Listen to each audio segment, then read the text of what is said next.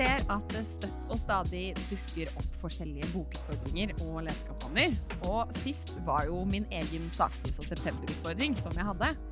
Men i dag så tenkte vi at vi faktisk skulle snakke litt om dette med disse leseutfordringene. Er det motiverende, og hva, hva tenker egentlig vi om det? Og hvem er vi? Jo, jeg er Ready Go Read, eller Mali Abrahamsen, som jeg faktisk heter. Og med meg så har jeg Leseverden, eller Marte Olborg, som jeg faktisk heter. I denne episoden snakker vi om bøker vi har mottatt fra Kagge, Gyldendal og Spartakus forlag. Leseeksemplarer er bøker vi har mottatt gratis fra forlagene, men det finnes ingen avtale om omtale av disse bøkene.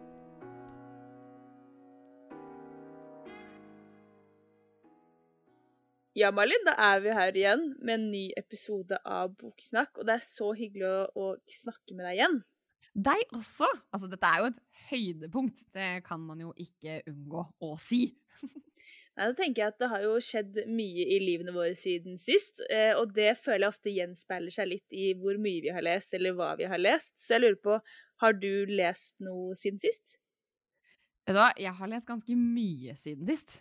Eh, og altså, jeg føler at det skikkelig har løsna noe for meg nå. Nå er det Nå er jeg i en flow. Nå er det eh, Altså, jeg har fått tilbake lydboklysten. Og det er kanskje Oi. det som er det mest revolusjonerende. Og det er kanskje derfor jeg virkelig føler på at jeg har lest mer eh, den siste måneden enn det jeg har gjort tidligere. Fordi antall bøker blir så fort. Det stiger så fort når jeg hører på lydbøker i tillegg, og ikke kun leser de fysiske bøkene.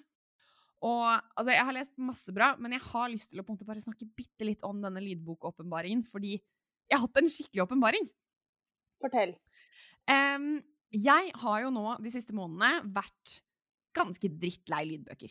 Jeg har nesten ikke hørt på lydbøker, jeg har hørt på podkaster og sånt istedenfor. Og så har jeg på en måte kost meg med de bøkene jeg har lest eh, i fysisk form.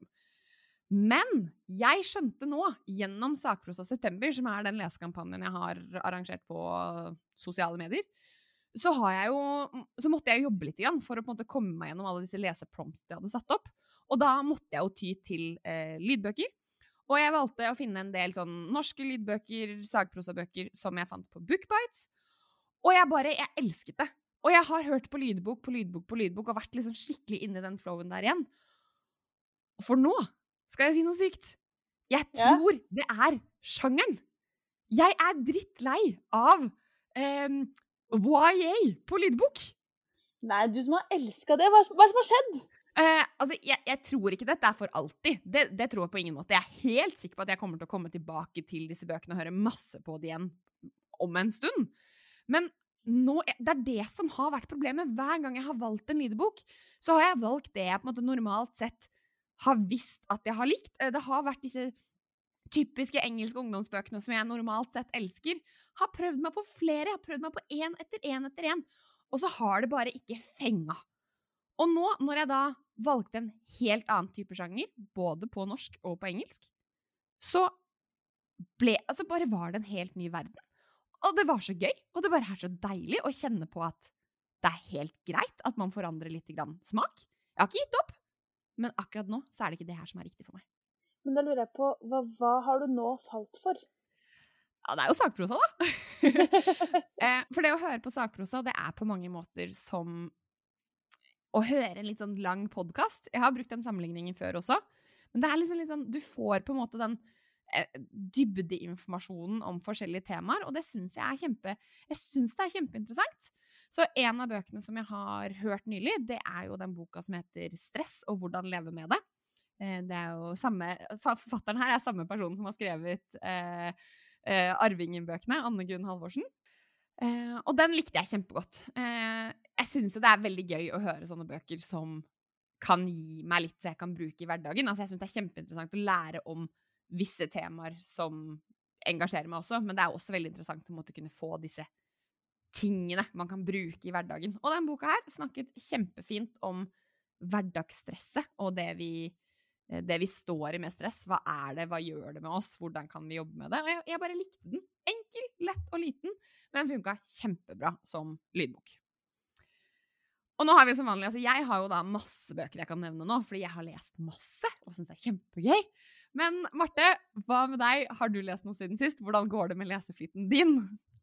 Ja, det går litt opp og ned med leseflyten. Jeg, så ærlig må jeg være. Og det er ikke så rart. Jeg har jo en liten eh, jente hjemme på Hun er vel nå snart seks uker. Så det tar jo veldig mye av min tid. Og så merker jeg at jeg har liksom sett for meg at jeg skal gå trilleturer og høre på lydbok og liksom slå meg løs på den måten. Men jeg kjenner skikkelig at hjernen min er skikkelig sånn den er, hyp, ja, den er liksom hyperaktiv. Tenker jeg stresser. Jeg, eh, går det bra? Nei, ikke går det bra. Altså, jeg, hodet mitt er overalt. Så når jeg begynner å høre på en lydbok, så tar det ikke lang tid, for jeg begynner å tenke på sånn Hva skal jeg ha til middag? Altså, jeg klarer liksom ikke å gi boken oppmerksomhet, selv om jeg egentlig er ute og triller. Ja. Så jeg har hørt litt mer på podkast i det siste, sånn jeg er ute på tur. Men jeg har lest eh, et par bøker. Jeg har jo lest eh, sakprosaboken 'En sånn jente', som mm. vi har mm. snakket om før. For det var jo eh, bokklubbboka forrige eh, måned, og den var jo utrolig vond, kvalm, sterk, fæl, alt på en gang. Bok om voldtekt. Eh, så den eh, Det var vel en av de eh, bedre sakprosabøkene jeg har lest på veldig lenge. Eh, og så har jeg kosa meg med tegneserieboka til Tegnehanne som heter Bare vent, Babybobla. Du mener boka om livet ditt? Boka om livet mitt. Altså, den er, var altså Er og var så spot on med hvordan jeg selv har opplevd det å være gravid og det å få barn. Jeg har humret og jeg har ledd, og jeg har jo, jeg har jo digget tegnehanne siden jeg oppdaget bloggen hennes for gud veit hvor mange år siden. Ja, hun er fantastisk. Ja, og jeg har liksom virkelig fulgt eh, alt hun har lagt ut eh, gjennom Aftenposten eller bøkene hun har gitt ut, og Instagram, og jeg er dødsfan. Og når hun da lagde en boka om mitt liv, eller ja, hennes liv, da, men det føltes som det var mitt liv, så kan jeg ikke annet enn å bare hylle den leseopplevelsen eh, den ga meg. Det var eh, Nei, den anbefales, selv om ikke du er så glad i humor, Malin, så anbefales uh, Altså, Tegnehanne sin humor, det er humor I appreciate. Altså, jeg har ikke fått lest boka selv ennå, men jeg gleder meg så vilt til å gjøre det. Jeg har også vært fan av henne lenge, og det er mm. definitivt en bok som står høyt på leselista, og som jeg har kjempelyst til å få, få lest. Og jeg tenker på er det, er det noe er det positivt for deg på en måte at det er dette tegneserieformatet? Hjelper det noe på eh, at det er et så enkelt format for deg å lese, nå når du er i den situasjonen du er? Det kan godt hende at det gjør at det er lettere å bare lese to sider her og tre sider der. Eh, så jeg tror egentlig at det jeg trenger nå, er en sånn skikkelig, skikkelig page-turner av en bok. Eller noe som er såpass lett da, som en humoristisk tegneseriebok. Mm. Jeg tror den derre tunge, gode romanen eh, Jeg hadde, var og kjøpte en gammel russisk klassiker her om dagen. Fordi du tenkte at det er det du skal begynne å lese nå? Nei, men det, var bokklubbboka til en, en, annen en boksirkel jeg har vært med på noen ganger. Ja. Eh, så jeg gikk bare og kjøpte den boka. Eh, begynte å lese side én den Det var altså så omstendelig at etter én side så var jeg sliten. Og så begynte da ungen å gråte. Og da tenkte jeg, Hun hadde lagt henne ved siden av meg. tenkte jeg, vet du hva, Hvis jeg leser litt høytlesning fra denne boka her, russisk klassiker, så må hun sovne også. Så da var det høytlesning. Hvem sovna først, lurer jeg på da? Ja, jeg skulle ønske det var henne. det var Marte. Ja, da, det er greit. Så det, det, det, var tøft. Så jeg innser at jeg må nok velge litt eh, bøker nå basert på uh, hjernens tilstedeværelse, som ikke er spesielt stor om dagen, altså. Altså, Jeg føler at du går og venter på at noen av disse krimbøkene vi snakket om forrige podkast, endelig skal bli utgitt, sånn at du kan få plukket opp de og liksom slengt deg ut i et mørkt og brutalt og fengende univers.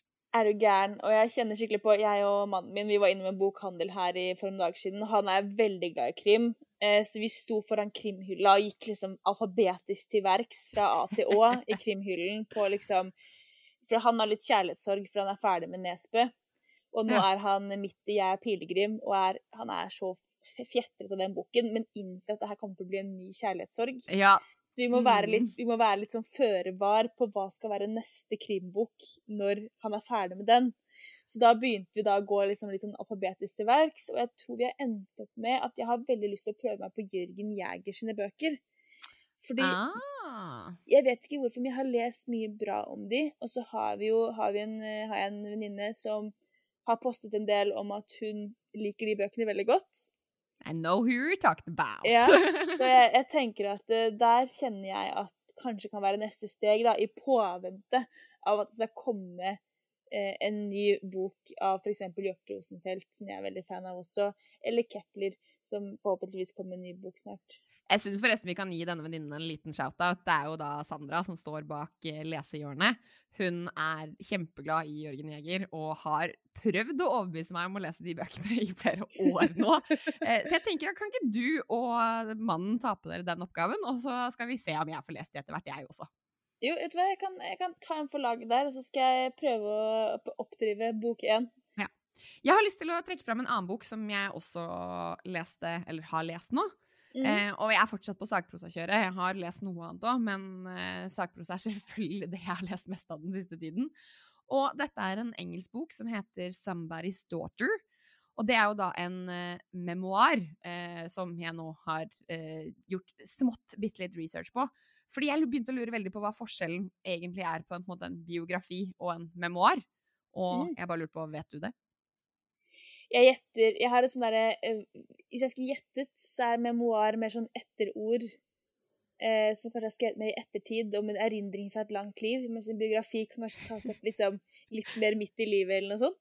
Eh, ja, eh, det kan godt hende at det stemmer, for jeg har jo faktisk ikke funnet fasiten på dette. Men eh, eh, jeg har i hvert fall en følelse av, de, at, Ut fra de bøkene jeg har lest, som har blitt kategorisert som biografier og memoarer, så handler på en måte biografier, biografier mer om et levd liv, altså på en måte mer helheten over en lang periode.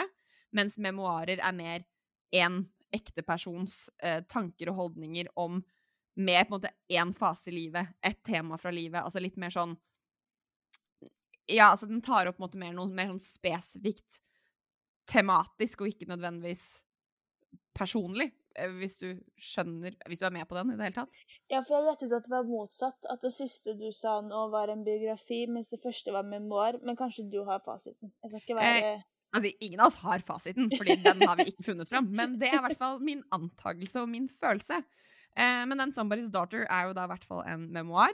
Og jeg syns den var en bok jeg har veldig lyst til å anbefale videre, for det var en sterk leseopplevelse om et Altså igjen, det er jo et levd liv vi har, på en måte, vi hører om hele livet hennes, men hun snakker sterkt om det å være ung, eh, det å bli utsatt for ja, både seksuelle overgrep, men også på en måte bare et samfunn. Hvordan samfunnet rundt henne var bygget opp, og hvordan det har vært med på å forme og skape henne.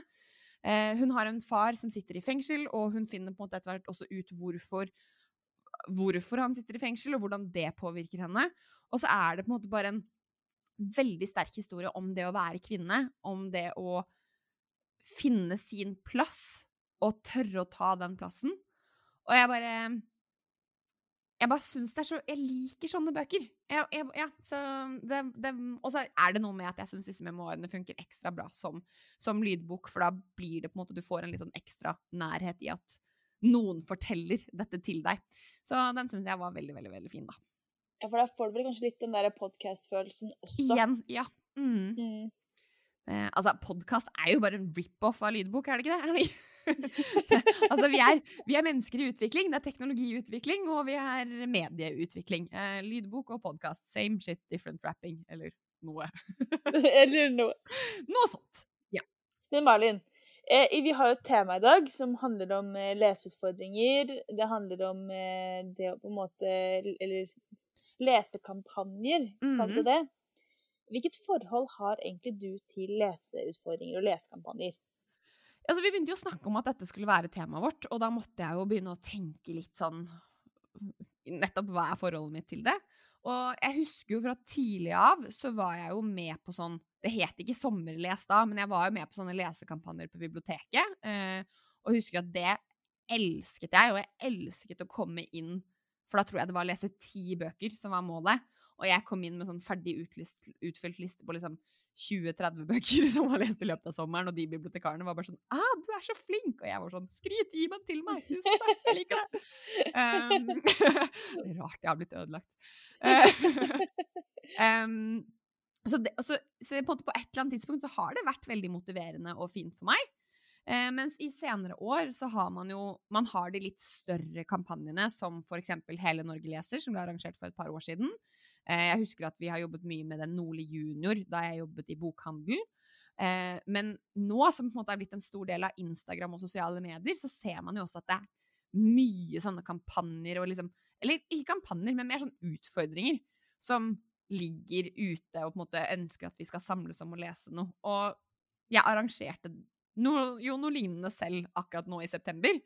Så noe forhold har jeg til det, men jeg er liksom ikke helt Jeg står ikke helt støtt i min mening om sånne ting, da.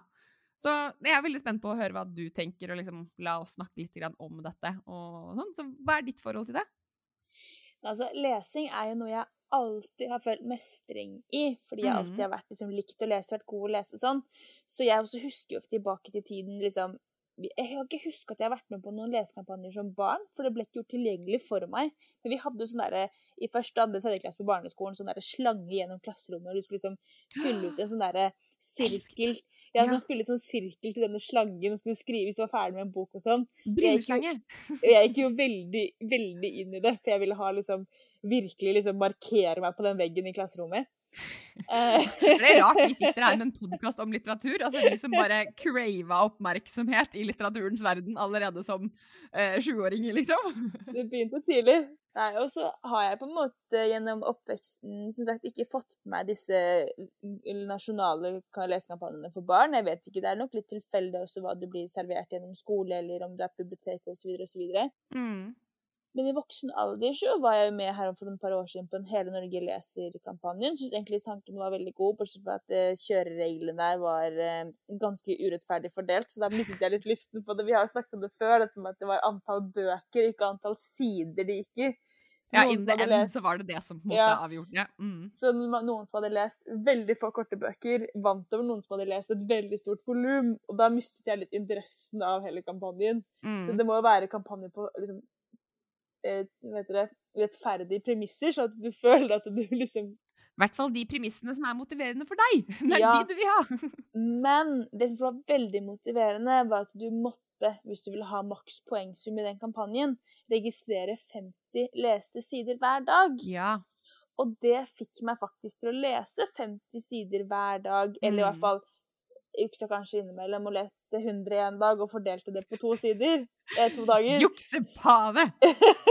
så, ærlig jeg, så, ærlig, så ærlig skal jeg være. Men jeg ble på mange måter pusha litt til å få lest dagens 50 sider, eller høre dagens 50 minutter på lydbok. Mm. Så sånn sett så syns jeg kampanjer er utrolig tilfredsstillende og deilig, og jeg elsker selvfølgelig å gjøre det bra i sånne kampanjer. eh, men det er nok et problem for meg at det jeg ser at det finnes veldig mange i sosiale medier sånne bokbingoer og sånne lignende som er kjempegode ideer. Men så er det liksom litt mange, og det er ikke et godt nok system. Jeg kan ikke gå inn og registrere sidene mine et sted, eller noen sånne ting. Mm. Og det gjør at jeg lett faller av.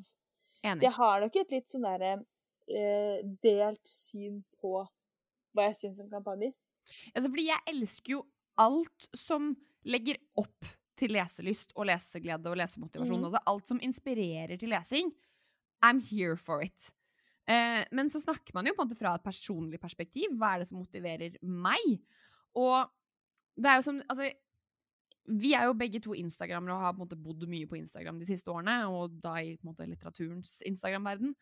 Og jeg ser jo veldig mye av disse bingobrettene, gjerne tematisk, eller på en måte eh, Ja, altså La oss bare snakke om Sakprosa September, da, som er det siste som, som jeg eh, var med på å arrangere, eller som jeg arrangerte.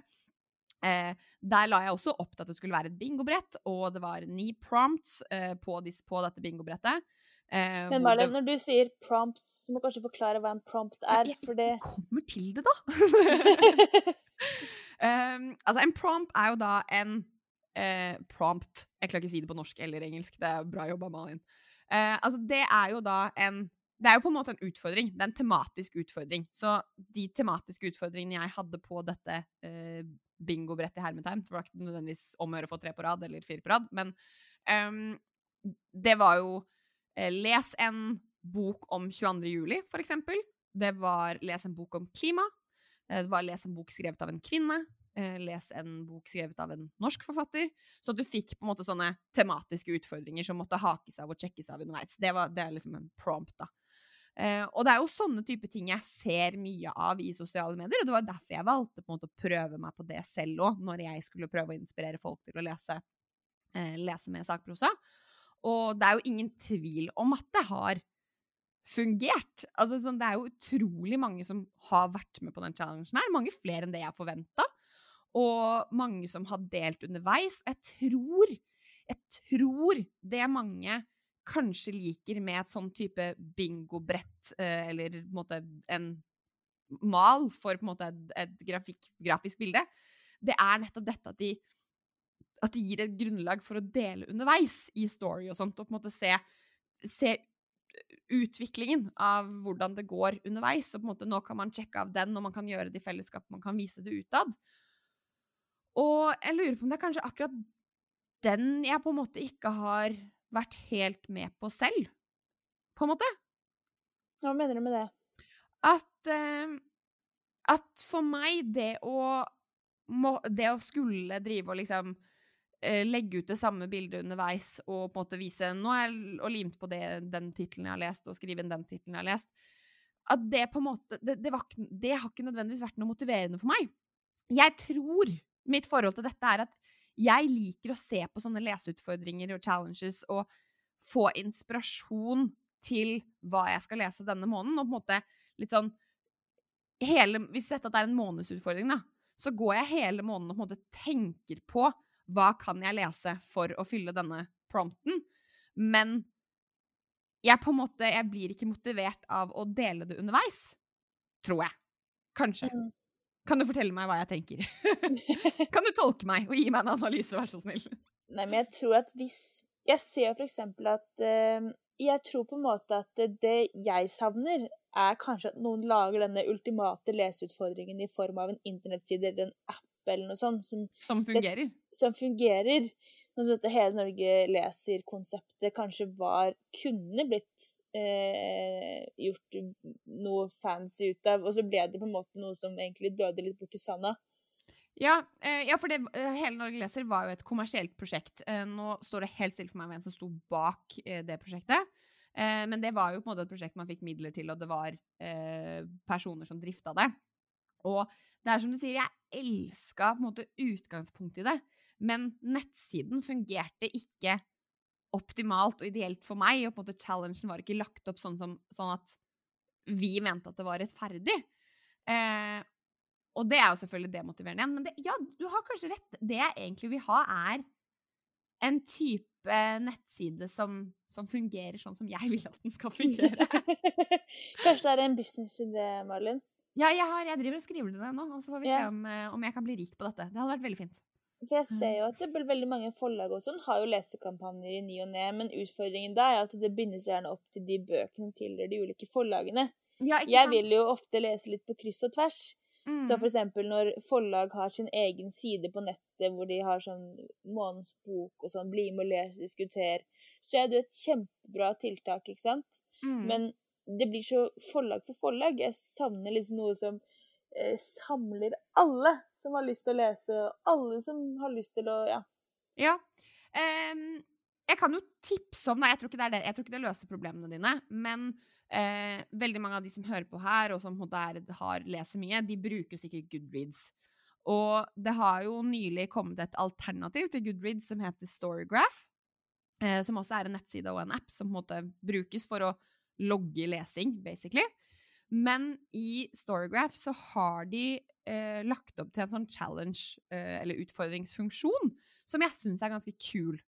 Og det er jo nettopp at man kan lage sånne leseutfordringer og sånn, hvor man lager forskjellige prompts, og at man kan da underveis kan måtte registrere de forskjellige bøkene man leser eh, i de forskjellige promptsene.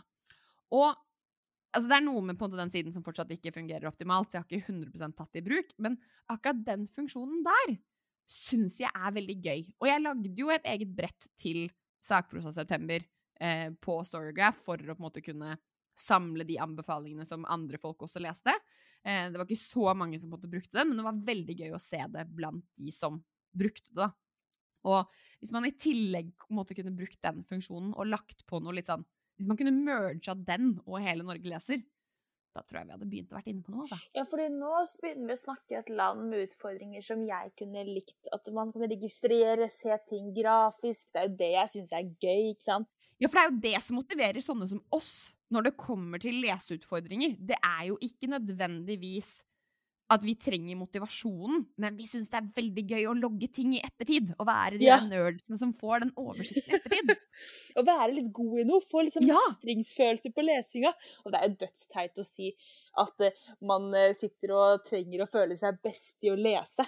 Ja, det er Men- kjempeteit, faktisk. Men på den annen side så er det eh, en stor del av mitt liv, da. Det er det å være lesing og ja, nå også veldig glad i å strikke. Det er to, to ting som jeg måtte også det, Jeg har jo eh, vet dere, sånne Excel-skjemaer for alt jeg gjør, ikke sant. For jeg elsker jo system og orden, så jeg har liksom et Excel-skjema for all garn jeg eier, et for alle bøkene jeg eier, ikke sant. Det er jo helt Det er jo sikkert ikke bra. Det er ikke så rart at vi to har blitt venner, begynner jeg å skjønne nå. Alle oppskriftene jeg har strikka, altså, det er jo Ja. Så det er jo på en måte system. Men jeg tenker at en god leseutfordring for meg da krever noe jeg kan liksom Tracke. Mm. tracke. Ja. Men jeg syns jo, for å liksom prøve å konkludere med noe her, da, så syns jeg jo dette med leseutfordringer er kjempekult, og jeg hyller jo alle som legger en innsats inn i å spre leseglede og leselyst. Og som på en måte Det er jo veldig mange som har vært flinke til å lage leseutfordringer og få med seg mange til å lese på Instagram. Det er sikkert bare å søke for folk som har lyst til å være med på en leseutfordring. For eksempel søke på hashtaggen leseutfordring, f.eks., eller bokbingo, lesebingo. Sånn. Det er nok ganske mange utfordringer der ute man kan slenge seg med på. Mm. Og det anbefaler jeg på det sterkeste. Og hvis man har barn, og tipse om at det finnes sånne utfordringer i biblioteket, Nordli junior osv., som man kan få med barna sine på. Ja, for det, altså, det, det fins jo så mange eh, når det kommer til barn og unge. Jeg, jeg tror ikke alle disse eksisterte når vi var unge. Jeg tror det er kanskje det som på en måte er hovedforandringen, at mange av de har kommet de siste årene.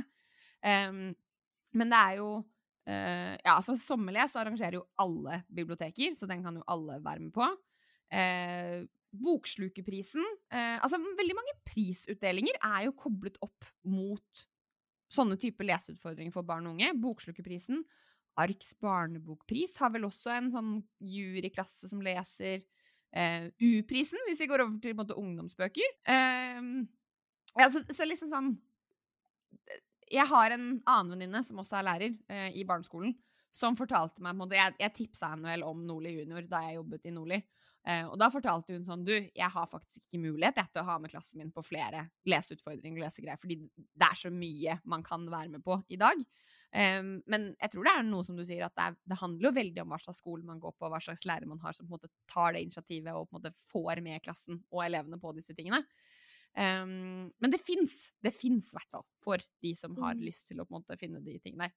Og det er jo kjempebra at det finnes mange utfordringer for skoleelever. Men jeg merker jo, som har vært lærer på ungdomsskolen og videregående, at der skorter det litt når det kommer til leseutfordringer og lesekampanjer. Mm. Og jeg diskuterte med en ungdomsbokforfatter her eh, om dagen dette med bøker for elever i videregående, eh, bøker for elever i ungdomsskolen osv. Altså Ja. sånn Hvordan skal vi finne litteratur som passer for 16-17-åringer? Og det, det er et sånn derre Siden ikke vi har denne young adult-kategorien i Mm. Det er ikke så mange bøker på norsk som gis ut der. Så jeg ville ha lyst til å liksom kaste ut en sånn utføring til de der ute som driver kanskje tenker om at det var kunne kult å lage en kampanje. at Hvordan skal vi Ja. klare å, å skape leselyst for en gruppe elever som er så Eller gruppe For en aldersgruppe, da. Som er såpass eh, spredt, og som det egentlig ikke fins noen bøker til. Nei, ikke sant? Ja, fordi når du sier det, så bare Det fins vel ekstremt lite kampanjer generelt som går på Altså, det fins lite til ungdomsskolen, men det fins jo enda mindre til videregående.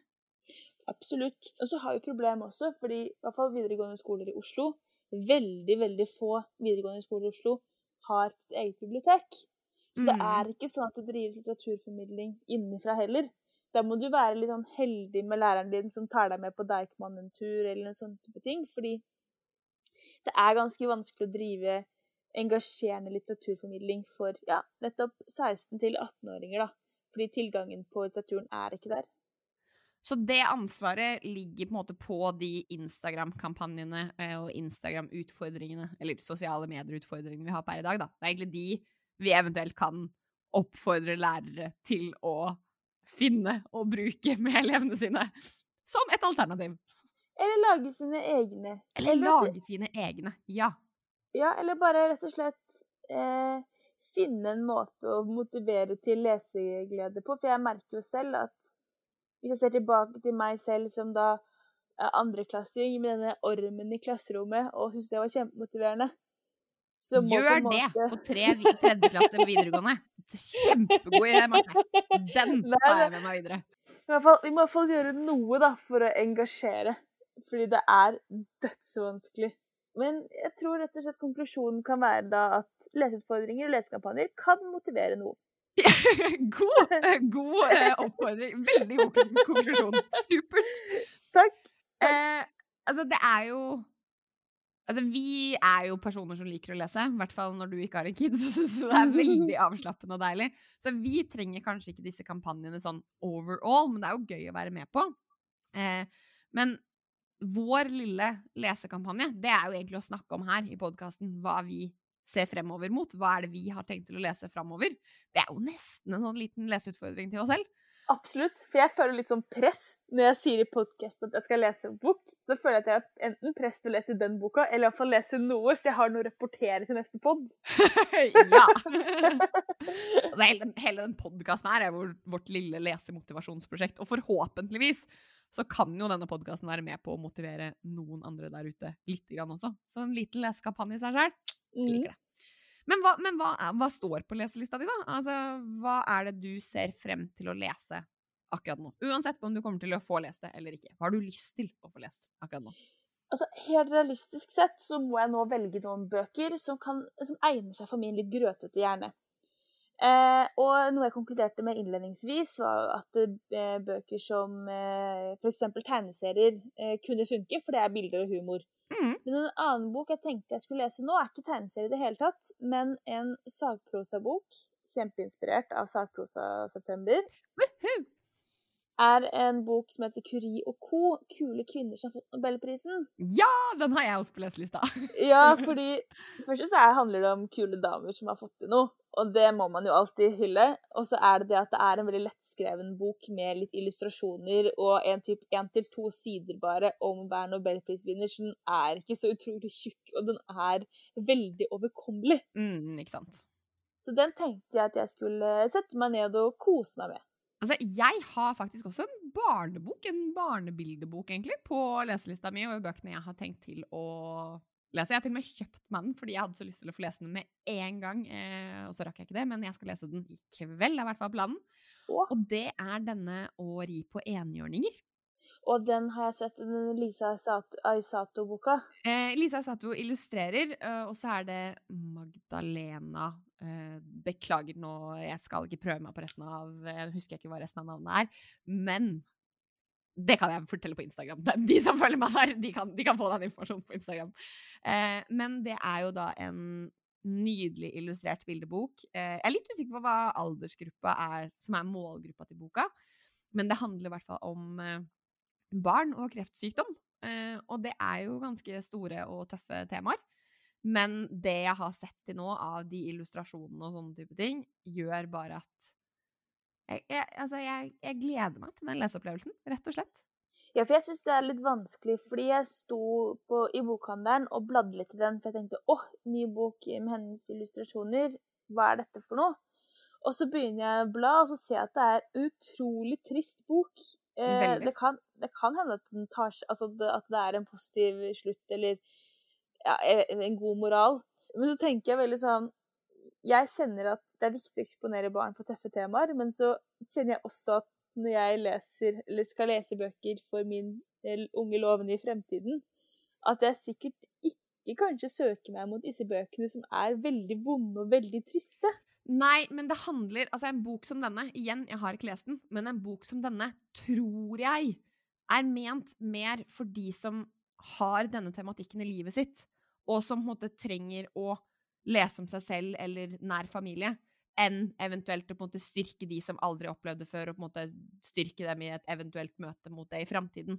Jeg tror dette er en bok som skal på en måte være mer for for de som trenger det, da. Men akkurat det tror jeg kanskje er en statusoppdatering vi kan ta etter at boken er lest, og kanskje gjerne av oss begge to. Mm. Eh, sånn at vi mm, For det, det, er et veldig interessant tematikk, altså dette med barnebøker og aldersgrupper og tematikker generelt. Ja, og hvem de på en måte i prinsippet er skrevet for. Mm. Så jeg er på en måte veldig nysgjerrig når jeg hører når du har lest den, om du kan fortelle meg litt om det. Fordi eh, ja, jeg er veldig nysgjerrig på hvem disse bøkene faktisk er skrevet for. Jeg òg. Jeg òg. Men har du, har du, noen ambisjoner om å få lest noe annet, eller, det, eller setter du på en måte linja der på den ene boken til neste podkast? Ja, vi, vi, jeg kan jo reklamere litt for bokklubben vår i samme slengen og si at eh, jeg har lyst til å lese katalog over mine menn av Helene Uri. Ingen eh, overraskelse, den skal jeg da også lese. for det er da neste, neste bokklubb-bok. Og det er en bok som jeg har egentlig hatt på leselisten min eh, siden jeg så den ligge på et bord i en bokhandel og tenkte hm, den tittelen der var jo litt artig. Um, og så er Helene Uri en dame jeg ikke har lest noe av, men har tenkt at hun har lyst til å lese noe av. Mm. Hun skriver jo ikke bare skjønnlitterært, hun. Nei, hun skriver mye sakprosa også. Det er egentlig det jeg har lest av henne tidligere. Ja, så jeg er veldig spent på den. Jeg må si at jeg har så vidt begynt på den, og så tok min grøtete hjerne overhånd. Jeg hørte den da på lydbok på en trilletur. Eh, så jeg må tilbake og begynne på nytt. Mm. Eh, men eh, jeg tror og håper jeg skal få lest den til vi skal snakke om den i bokklubben. Når denne podkasten eh, kommer sånn at du kan høre på den, altså nå, så eh, har vi nok ikke hatt dette bokmøtet ennå. Eh, så hvis du har lest boken 'Katalog over mine menn', eller har lyst til å få lest den i løpet av en nær framtid, eh, så kan du jo sjekke opp Bokklubb med Marte Malin på Facebook for mer informasjon og detaljer. Og så kan du være med i samtalen om boka i ettertid, hvis du har lyst til det. Det hadde vært veldig hyggelig. Veldig hyggelig. Ja. Um, jeg har en romanambisjon eh, som jeg tenkte jeg skulle på en måte forplikte meg til at jeg skal lese ved å si det her. ja, da eh, tenker jeg det er bare å fyre løs. Og det er din skyld. Å! Ja. Og det er eh, Emily Forever. Er, det, er, ikke det den boken av hun eh, Maria Navarro Scavaranger som vi har snakket om før? Helt uh, korrekt. Uh, og vi, vi, nevnte den jo i forrige podkast, og uh, nå har jeg skaffet meg lydboken av den, faktisk. Oh. Som jeg har veldig lyst til å få hørt. Og det er liksom Ja. Eh, jeg går virkelig fra på en måte sagprosa, min nye eventuelle favorittsjanger, til da det jeg er litt mer usikker på, som er disse romanene.